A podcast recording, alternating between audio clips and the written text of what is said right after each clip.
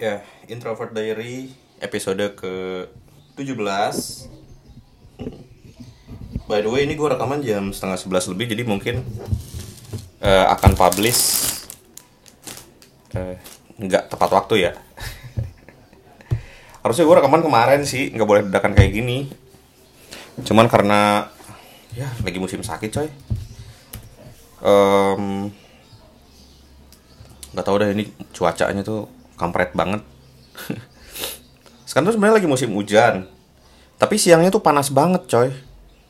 Hujannya tuh sore sorenya tuh langsung hujan gede gitu deh. Terus dingin lagi malamnya tuh dingin banget. Jadinya eh, si mungkin tubuh itu jadi terlalu sering menyesuaikan dengan cuaca sehingga kebanyakan orang tuh jadi pada flu dan batuk-batuk gitu. Ibu gua kena tuh batuk eh si anak anak gua juga kemarin kena barusan nih. Oh, udah minum obat dua harian udah agak mendingan. Sebelumnya demam batuk pilek co- eh, batuk pilek coy. Sementara gua sendiri kena flu parah yang bisa nyampe bersin bersin tiga kali berturut-turut tanpa jeda tuh hanya udah nyebelin banget dah itu. Kayak tepar gitulah. Kayaknya hampir terus adik gue juga itu kena demam batuk pilek. Terus teman-teman kantor juga banyak yang kena coy pada batuk gitu. Jadi ini emang cuacanya ekstrim banget nih.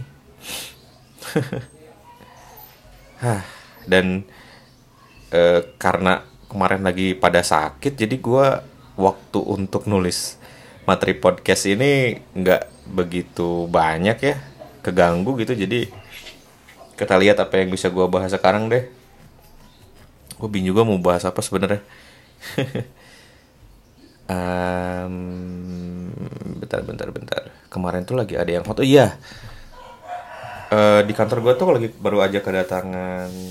Eh sebenarnya sering banget sih. Perguliran eh, anak baru di kantor gue tuh atau pegawai baru di kantor gue tuh cukup cepat ya. Kayaknya setiap bulan tuh selalu ada deh anak-anak baru. Cuman di sini gue melihat eh, dinamika. Dinamika anak-anak kantor baru ya di kantor gue dan kemarin tuh kebetulan di eh, di divisi gue yang terutama di lantai gue ya di, di ruangan gue tuh. Kan gue satu satu lantai sama tim produk. Ada anak baru cewek rambut pendek cakep lah. Dan kayaknya sih dari semua anak-anak yang ada di lantai itu dia paling cakep sih.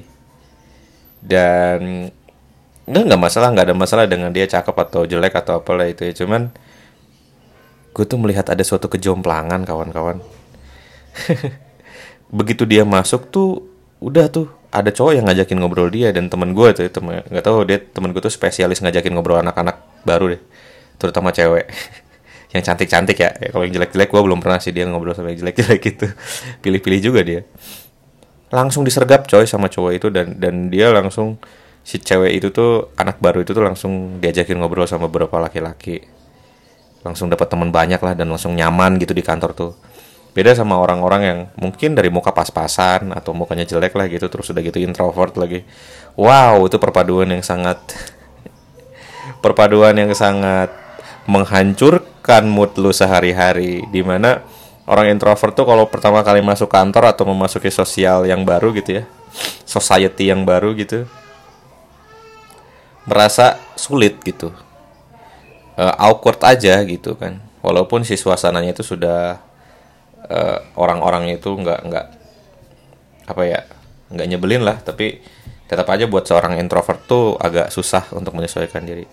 Dan ini si cewek ini yang anak baru ini tuh udah punya banyak teman lagi coy. Ini sungguh membuktikan betapa dunia ini tidak adil ya. Ternyata muka tuh ngaruh coy. Muka tuh sangat ngaruh dah bener. Jadi kalau bener tuh kalau gue setuju kalau misalkan perempuan dandannya lama tuh memang harusnya seperti itu karena itu salah satu modal untuk perempuan juga. Lu lu bisa diterima di suatu pekerjaan karena lu cantik coy. Serius dah. Kalau cowok diterima suatu pekerjaan karena ganteng ja jarang. Cowok tuh harus punya skill coy. Entah itu skill komunikasi atau skill apa pun itulah.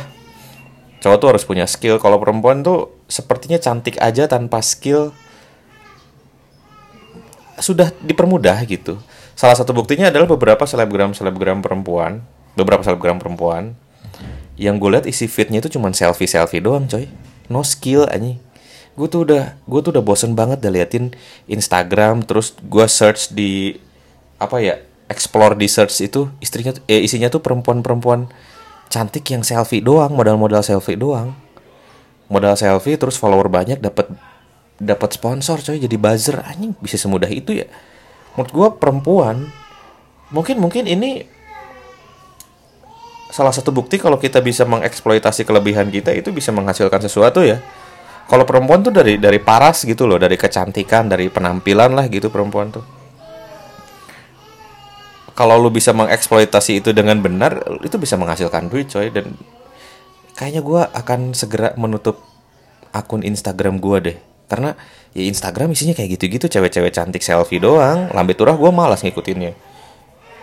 Gue ngikutin band-band paling atau apa ya sekarang gue lagi gue follow. Gue kebanyakan follow follow model-model emang iya sih emang gue bikin Instagram buat ngeliatin cewek-cewek cakep. Tapi begitu sudah bertaburan perempuan selfie di Instagram kayaknya sudah menjadi monoton deh. Kecantikan perempuan itu sudah menjadi monoton coy. Terlalu banyak mengeksploitasi. Ada perempuan yang gue tuh nggak tahu dia siapa followernya udah satu juta uh, udah satu m gitu followernya tuh. Gue nggak tahu siapa dia. Kenapa ada satu juta orang yang tahu dia kecuali gue gitu loh. Satu juta loh dan gue nggak nggak termasuk dari salah satunya gitu. Entah dia beli follower atau apa. Anjing ini ini aduh. Isinya cuma selfie selfie doang coy. Selfie selfie doang terus uh, nge ngebaz produk kecantikan jangankan itu deh temen gue aja yang selebgram ya. Followernya itu baru sekitar 5 ribuan kalau nggak salah. Nggak nggak terlalu banyak lah untuk seorang selebgram. Gue lihat price list untuk jadi buzzer aja itu juta-jutaan coy. Gila gila. Bisa segitunya ya. Dari cantik doang loh coy. Kalau laki-laki mah ganteng belum tentu. Laki-laki ganteng disangkanya homo coy laki-laki itu harus punya karya atau lu ngejim dah cowok-cowok yang ngejim juga sih menurut gue gak terlalu banyak juga followernya lu jadi artis dulu deh kayak atau lu jadi vokalis band cowok tuh effortnya harus gede deh oleh karena itu laki-laki itu memang ditakdirkan untuk cari duit coy. Karena laki-laki itu harus menjadi seorang pekerja keras. Kalau perempuan tuh effortless untuk dapetin duit ya. Untuk perempuan cantik loh. Ini gue gue melihat eh, di, semakin di ke sini tuh pandangan gue tuh dibukakan gitu dengan suatu ke, ketidakadilan di dunia ini. mungkin kalau gue menjadi seorang scout model scout gitu gue melihat cewek cantik terus isi fitnya jelek gitu gue pasti kritikin tuh lu kalau bisa cari angle yang pas aja udah lu jadi selebgram lu, bisa ng ng ngasilin duit lu pikir kayak aura kasih gitu terus siapa lagi ya? Uh, Wika Salim. Anjing suaranya jelek coy Wika Salim. Tapi foto-foto di Instagramnya cakep-cakep coy. Bagus-bagus. Followernya banyak kerjaan dapat banyak. Dipanggil dangdutan di sana sini padahal suaranya jelek serius dah. Sama Dewi Persik bagus Dewi Persik coy. Ya kan rezeki orang ya orang bilang tuh rezeki orang dari mana aja. Ya ya silahkan bilang kayak gitu. Cuman gue menggaris bawahi ini suatu suatu ketidakadilan sih. Maksudnya ketidakadilan karena ada yang cantik ada yang jelek gitu kan muka tuh kan. Kasihan yang jelek-jelek gitu. Yang jelek tuh harus effort lebih gitu. Dan dan orang-orang jelek tuh kemampuan untuk survive-nya tinggi berarti coy. Kemampuan survive-nya tinggi. Kalau kalau yang cantik-cantik tuh kayaknya kehidupannya tuh sudah dipermudah. Seenggaknya mungkin ada 10 atau 20 persen kemudahan dalam hidupnya lah dari dari segi fisik gitu ya. Tapi kalau orang yang jelek kemampuan survive-nya lebih tinggi coy karena dia harus memaksimalkan hal lain dibanding kecantikannya. Kayak Eli Sugigi itu gue salut sih dia bisa terkenal sekarang. Dia bisa gonta-ganti suami gue salut aja sih. Dia bisa jadi orang kaya gitu. Salut sih gue sama sama yang jelek-jelek tapi survive gitu. Jadi apakah jadi apakah sebenarnya orang-orang yang bunuh diri itu cantik-cantik karena tidak memiliki kemampuan survive yang tinggi entahlah membingungkan. Lu bayangin deh jadi kalau jadi orang jelek gitu ya. Eh kalau orang cantik mah ya udahlah lu bisa jadi SPG gitu. Atau SPG masih bagus sih pekerjaannya atau yang, yang yang agak kontroversial lah ya. Misalkan lu jadi jablay juga banyak yang mau gitu. Kalau kalau nggak ada opsi lain ya di, di kehidupan lu. Tapi kalau yang jelek tuh gimana coy apa? Ya ya itulah. Kemampuan survivalnya lebih tinggi lah daripada yang cantik. Makanya gue respect sih. Tuh agak-agak batuk. Aduh. Itu pembahasan pertama. Suatu ke ketidakadilan dari segi fisik ya. Karena gue melihat di kantor gue ada salah satu orang yang dibenci sama satu kantor karena penampilannya kurang bagus. Gue sangat tidak fair sih menurut gue sih um, ya kan udah mulai bingung nih mau bahas apa lagi. Uh, ngomongin apa lagi ya? Kita ngomongin soal cewek aja deh ya. Uh, beberapa waktu lalu banyak uh, yang berhubungan dengan feminisme. Kalau nggak salah Bu Ning itu gue gue sengaja nggak ngebahas pas lagi in beritanya karena um, ini tuh gue tabung ya. Masalah ini tuh gue tabung. Biar biar nggak kalau lagi in uh, karena ada pihak pihak yang gue kenal juga di situ yang terlibat di situ. Jadi gue nggak mau uh, ada ada kontroversi lah dari pembahasan ini gitu. ya walaupun memang, memang ini sangat kontroversial tapi seenggaknya nggak sedang tragedi lah gitu ya. Masih Bu Ning yang bilang kayak pemerkosaan. Udah pernah gue ceritain belum ya? Belum sih kayaknya. E, tentang pemerkosaan yang bilang kalau dia tuh kalau misalkan perempuan diperkosa itu bukan salah perempuannya tapi eh bukan salah laki-lakinya tapi salah perempuannya. Kenapa pakai baju e, seksi kenapa pakai baju kebuka terus ngegodain laki-laki gitu ya. Terus banyak para feminisme yang oh, itu tuh di retweet sama sama si Popon stand up comedian. Uh, entahlah gue lupa lagi. Terus di di di retweet lagi sama si Ligwina Hananto Mbak Ligwina Hananto yang yang mana dia tuh seorang feminisme garis keras SJW garis keras lah gitu. Uh, terus ya gitu loh jadi kontroversi jadi jadi viral lah cukup viral masalah itu dan terus IG juga ikut-ikutan komentar soal feminisme ini yang malah bilang malah menyalahkan si Popon yang kalau menurut gue ini nggak ada lucu-lucunya pon. Kok lu bisa mikir kayak gitu gitu. Sementara gue gue bisa melihat sisi komedinya sih. Si Popon tuh kan kalau nggak salah ya ini kalau soalnya gue nggak screen capture juga siapa pun tuh bilang kalau kalau Bu Ning yang yang kayak gini, Bu Ning aja bilang kayak gini, wahai para SJW feminisme, lu mau bilang apa? Gitu. Nah, si Ligwina, Mbak Ligwina Hananto ini tuh marah-marah karena uh, langsung naik darah, naik pitam gitu karena gue tuh nggak lihat lo sebagai stand up comedian gue tuh nggak lihat lucunya di mana gitu. Nggak bisa nemuin lucunya menurut gue gue bisa nemuin lucunya.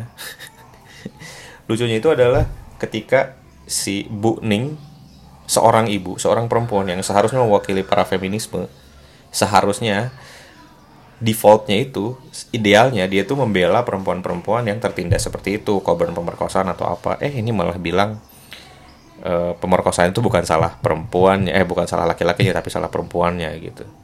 Nah si Popon tuh bilang kalau si Bu Ning bilang kayak gini lu mau ngapain lu gitu? Para para SJW feminisme lu mau ngapain lu gitu ya gue dapat gak dapat sih dapat lucunya walaupun gak lucu gitu. Gue dapat joknya gitu. Walaupun gak lucu gitu. Dan kalau dilihat-lihat ya dari omongannya si Bu Ning ini ada benernya juga coy. Memang dari awal tuh dia tuh bilang kalau kalau kamu diperkosa itu bukan salah yang memperkosa tapi salah kamu. Nah dari situ memang sudah ofensif tuh kata-katanya.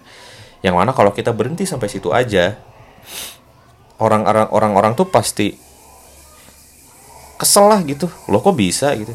Cuman di kata-kata berikutnya dia bilang kalau kamu pakai pakaian seksi pakai pakaian kebuka seneng ngegoda-godain cowok ya itu masalah kamu. Nah gue setuju di situ. Oke lah ada beberapa perempuan yang bilang kalau perempuan yang menggunakan pakai pakaian yang yang minim itu adalah pakaian yang dia nyaman gitu loh dan ketika ada laki-laki yang sange gara-gara itu berarti emang laki-lakinya aja ngidung belang gitu kan.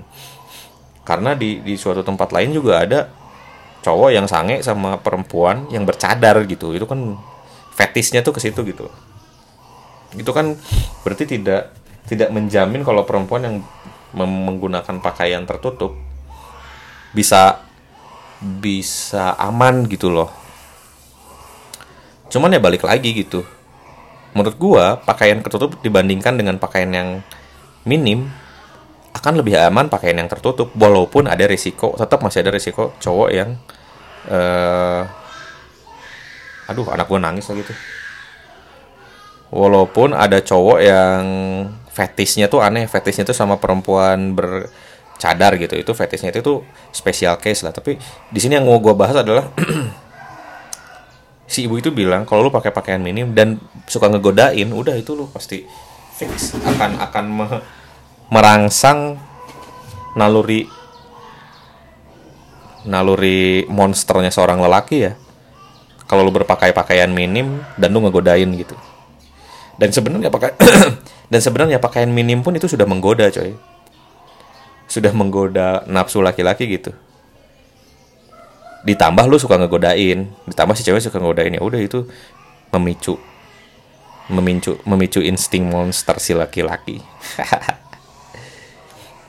Ya kalau nah itu yang yang gua dapat dari perbedaan antara perempuan yang menggunakan pakaian tertutup dan pakaian kebuka. Kalau pakaian kebuka itu secara penampilan tuh sudah menggoda gitu loh. Sementara pakai pakaian tertutup justru nggak kecuali jilbabs ya. Pakai gue juga suka kadang-kadang suka eh, apa ya dibilang sange apa ya sama perempuan yang pakai sweater. Sama aduh anakku nangis. Sama perempuan yang pakai sweater ngetat gitu gue juga kadang-kadang suka agak-agak terangsang gitu sih. Walaupun dia nggak pakai hot pants eh, nggak pakai tank top gitu gue pakai menurut gue perempuan bersweater ngetat itu adalah mahakarya coy. Ya balik lagi ke permasalahan itu ya. Menurut gue kalau para feminisme ini menganggap eh, perempuan mau pakai baju apa aja percuma kalau laki-lakinya hidung belang itu menurut gue su- suatu faham yang kurang tepat ya. Karena pakaian itu jelas membedakan cara pandang orang lain gitu loh. Kalau lu pakai pakaian polisi nih, lu pakai pakaian polisi, orang pasti segan sama lu kan. Lu pakai pakaian TNI, lu pasti segan. Makanya ada beberapa laki-laki nih di suatu perkampungan dia pakai celana TNI coy, biar orang-orang tuh pada takut. Menurut gua penampilan itu cara orang berpakaian itu membedakan cara pandang orang lain gitu loh. Jadi lu nggak bisa bilang kalau kalau misalkan lo beropini kayak eh perempuan mau pakai baju apa aja percuma mau pakai baju ketutup terbuka percuma kalau memang laki-lakinya hidung belang ya gimana gitu.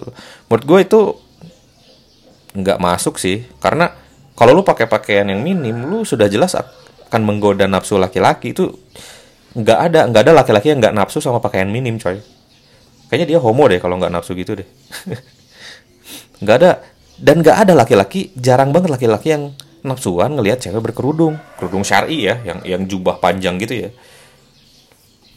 Di Indonesia deh di daerah lu dah di Jakarta ada ada nggak sih orang yang eh, nafsuan ngelihat perempuan dengan hijab yang syari gitu? Ada nggak sih? Ada temen lu nggak sih yang kayak gitu? Gue yakin nggak ada tapi lu tanya temen lu yang ngelihat perempuan berpakaian minim atau yang udelnya kelihatan atau nggak usah deh yang pakai tank top terus celana pendek celana hot pants gitu deh atau pakai sweater ngetat deh.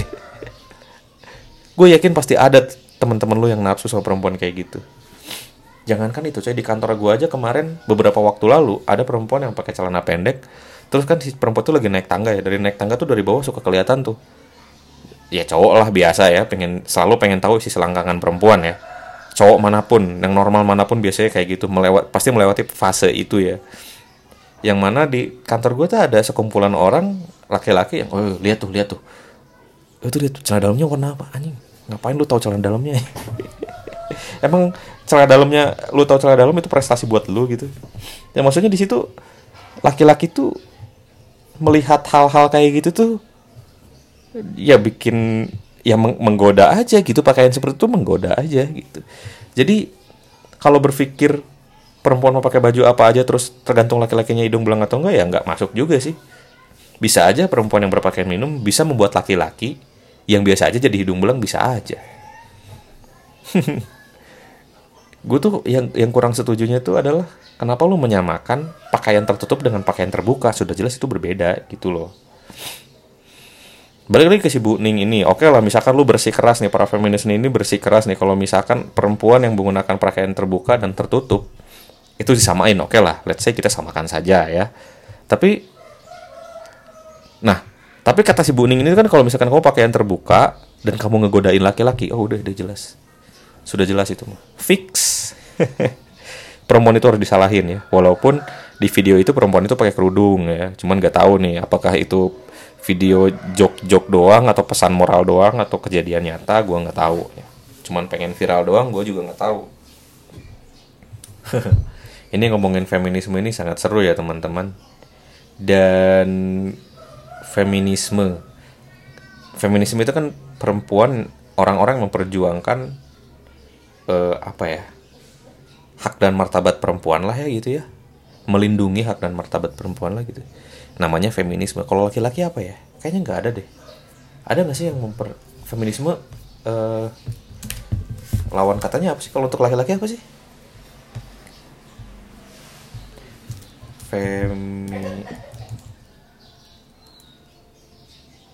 feminisme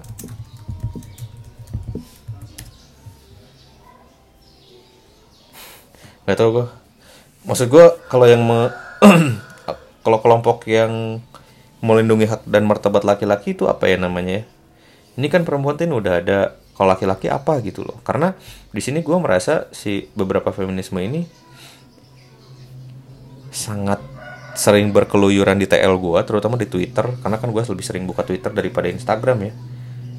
Dan ada beberapa teman-teman gue juga merasa banyak nyalah-nyalahin cowok gitu ngobrolin curhat-curhat soal relationship gitu banyak yang nyalahin cowok gitu loh. Efek dari feminisme ini adalah dia tuh mengangkat melindungi hak dan martabat perempuan sekaligus juga meremehkan laki-laki gitu. Menyalahkan lah bukan meremehkan ya terlalu jauh kayak. Menyalahkan laki-laki gitu loh padahal padahal kalau lu dalam suatu hubungan yang benar gitu misalkan lu pacaran kayaknya laki-laki juga banyak dirugikan coy. Kayak misalkan lu lagi PMS aja. Perempuan tuh kan menggila tuh. Apanya? Emosinya tuh menggila tuh. Lu lu lagi nggak salah apa pun lu bisa dimarahin coy sama perempuan. Dan lu harus terima. Lu harus terima. Kalau lu nggak terima lu bukan cowok sejati lu. Gila nggak tuh harusnya ada ada yang mengangkat har harkat dan martabat laki-laki gitu loh. Di sisi lain perempuan tuh ingin diperhatikan ingin diberikan ke kebebasan ketika dia ingin berpakaian senyaman yang dia pengen gitu. Tapi ketika lagi PMS dia tuh tidak mau memaklumi kebodohan laki-laki. Dan laki-laki itu sebenarnya tidak bodoh dia nggak ngerti aja cara lu berkomunikasi gitu loh. Dia nggak ngerti aja kenapa dia bisa dimarahin sama lu. Karena mood lu lagi lagi jelek gitu lagi PMS gitu. Menurut gue perempuan-perempuan lagi PMS dan dan dan melampiaskan amarahnya terhadap laki-laki itu nonsens sih. Sebenarnya semua bisa dikomunikasiin misalkan suatu saat lo lagi PMS lo bisa bilang sama laki-laki kalau maaf ya aku lagi dapet nih lagi PMS nih. E, kamu jangan ganggu aku dulu ya. Kan bisa lo bilang kayak gitu dan laki-laki bisa ngerti gitu kecuali laki-lakinya ngeyel ya udah itu masih sikat aja coy. Emang laki-laki yang nggak tahu diri aja kalau kayak gitu mah di situ ini perdebatan antara eh PM eh PMS feminisme dan laki-laki ini seperti apa ya seperti Persib sama Persija gitu loh. Selalu ber ber apa sih selalu menimbulkan perdebatan gitu loh jadi menurut gue seharusnya feminisme itu dibentuk untuk perempuan yang membutuhkan perhatian. Kayak misalkan WN apa? Apa sih yang yang kerja di luar negeri tuh? Pegawai TKI TKW lah. Kayak misalkan TKW TKW yang disetrika sama majikannya nah kayak gitu-gitu lu perlu perlindungan tuh atau misalkan korban eh, korban pemerkosaan ya. Walaupun itu lo harus lihat lagi itu salah siapa. Bener kata si Bu Ning itu harus lihat lagi salah siapa. Kalau emang dia perempuan baik-baik pakaiannya tertutup terus diperkosa sama laki-laki emang laki-lakinya yang goblok emang laki-lakinya yang monster gitu. Tapi kalau misalkan lu yang kata si Bu Ning tadi bilang pakai pakaian minim plus ngegodain suka ngegodain ya ya lu harus tahu lah mana yang harus lu bela gitu. Nggak harus semua nggak harus semua perempuan lu bela juga. Perempuan yang salah pun oke lah lu bela perempuan yang salah tapi ya lu harus buka mata juga lah kan. Kasihan laki-laki juga gitu loh. Kayak misalkan PMS lagi ya contohnya tadi aja. Laki, laki perempuan lagi PMS terus melampiaskan semuanya terhadap laki-laki. Apakah menurut lo itu manusiawi gitu dan laki-laki itu terima terima jadi gitu gituin karena atas nama cinta. Aduh. Bukankah itu yang namanya playing victim ya? Karena lu lagi sakit terus lu marah-marah sama laki-laki terus sama laki-laki ini dibalas marah lagi kamu tuh ngerti dong aku lagi PMS bangke kan itu namanya playing victim kan? Jadi sebenarnya memang memang feminisme SJW feminisme itu harus ada tapi mereka terus tahu apa yang mereka bela lah gitu. Karena gue khawatirnya e, ketika perempuan bilang pakaian kebuka atau tertutup sama aja tergantung laki-lakinya yang hidung belang nanti malahan perempuan-perempuan yang udah pakai pakaian tertutup malah jadi kebuka juga. Gara-gara hal itu gitu. Kasihan kan perempuan-perempuan yang asalnya pakainya kebuka terus hijrah pakai pakaian berkerudung. Terus gara-gara feminisme ini menyebarkan faham kalau pakailah pakaian yang perempuan nyaman gitu. Sebenarnya kan kalau hijrah itu kan pakaiannya belum tentu nyaman untuk dia kan? Tapi dia belajar untuk mencoba untuk menyamankan pakaian yang dia kenakan gitu yaitu pakaian tertutup. Terus dibilang kayak gitu ya udah pakai gue buka lagi deh bajunya. Kebuka lagi deh bajunya kan kasihan gitu loh. Kasihan sama effortnya dia waktu dulu hijrah tuh. Dia mengorbankan banyak hal eh dipatahkan lagi dengan statement itu. Kalau dari gue sih pakaian kebuka sama tertutup itu sudah jelas membuat cara pandang laki-laki berbeda juga nggak sama.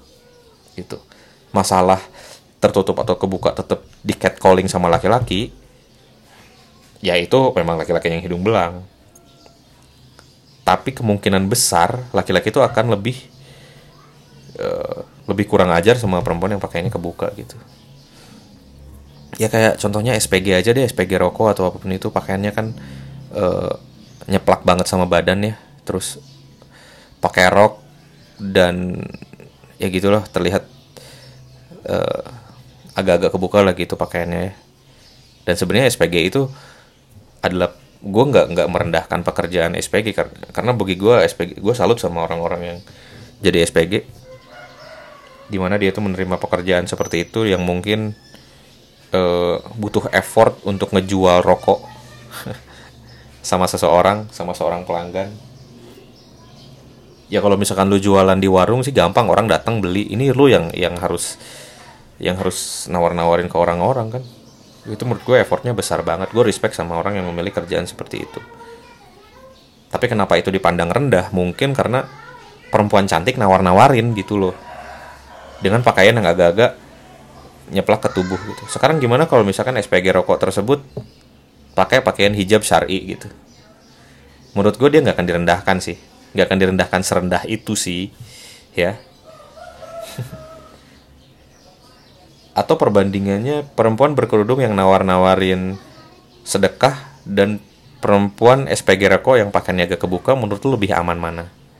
Lebih sering digodain yang mana? sudah jelas kan yang sering digodain itu yang SPG rokok kan? Ya karena pakainya kebuka perempuannya cantik lagi terus nawar-nawarin. Dan sebenarnya laki-laki setiap melihat perempuan cantik dan seksi dan pakaian terbuka mereka se sebenarnya mereka tuh dalam pikiran mereka tuh seandainya ada kesempatan untuk bisa kenalan sama dia bisa ngobrol sama dia dia akan lakukan itu. Cuman masalahnya karena tidak ada kesempatan itu dia tidak lakukan itu. Nah SPG rokok ini membuka, membuka kesempatan itu membuka peluang itu yang mana laki-laki itu bisa secara direct e, ngobrol sama ada ada komunikasi sama perempuan itu. Udah gitu perempuannya lagi yang mengawali. Mungkin itu ya mungkin itu kenapa pekerjaan SPG dipandang rendah. Dipandang rendah ya. Tapi kalau gue tidak merendahkan ya kadang eh, sering kali gue kalau misalkan ada seorang perempuan yang nawar-nawarin rokok sama gue gue bilang gue nggak ngerokok aja gitu. Atau kalau gue lagi ada duit gue beli rokoknya buat teman-teman gue lagi ada duit ya. Ya begitu sih. Ini agak gak random sih bahasanya ya teman-teman. Sorry banget. Ya ngapain gue sorry kan ini podcast gue ini agak gak random juga dan ini ini benar-benar hanya mengeluarkan isi kepala gue aja tanpa tanpa ada struktur yang yang dirapihkan gitu. Jadi ya udah gitu aja deh. Udah jam 11 juga nih. Harus publish juga nih si uh, podcast ininya dan uh, oh ya sebentar lagi tanggal 25 dan selamat Natal ya teman-teman yang merayakan liburan kumpul keluarga manfaatin waktu sebaik-baiknya karena karena mungkin lu nggak selamanya punya keluarga. Nggak perlu yang mewah-mewah nggak perlu beli pohon Natal apa segala macem.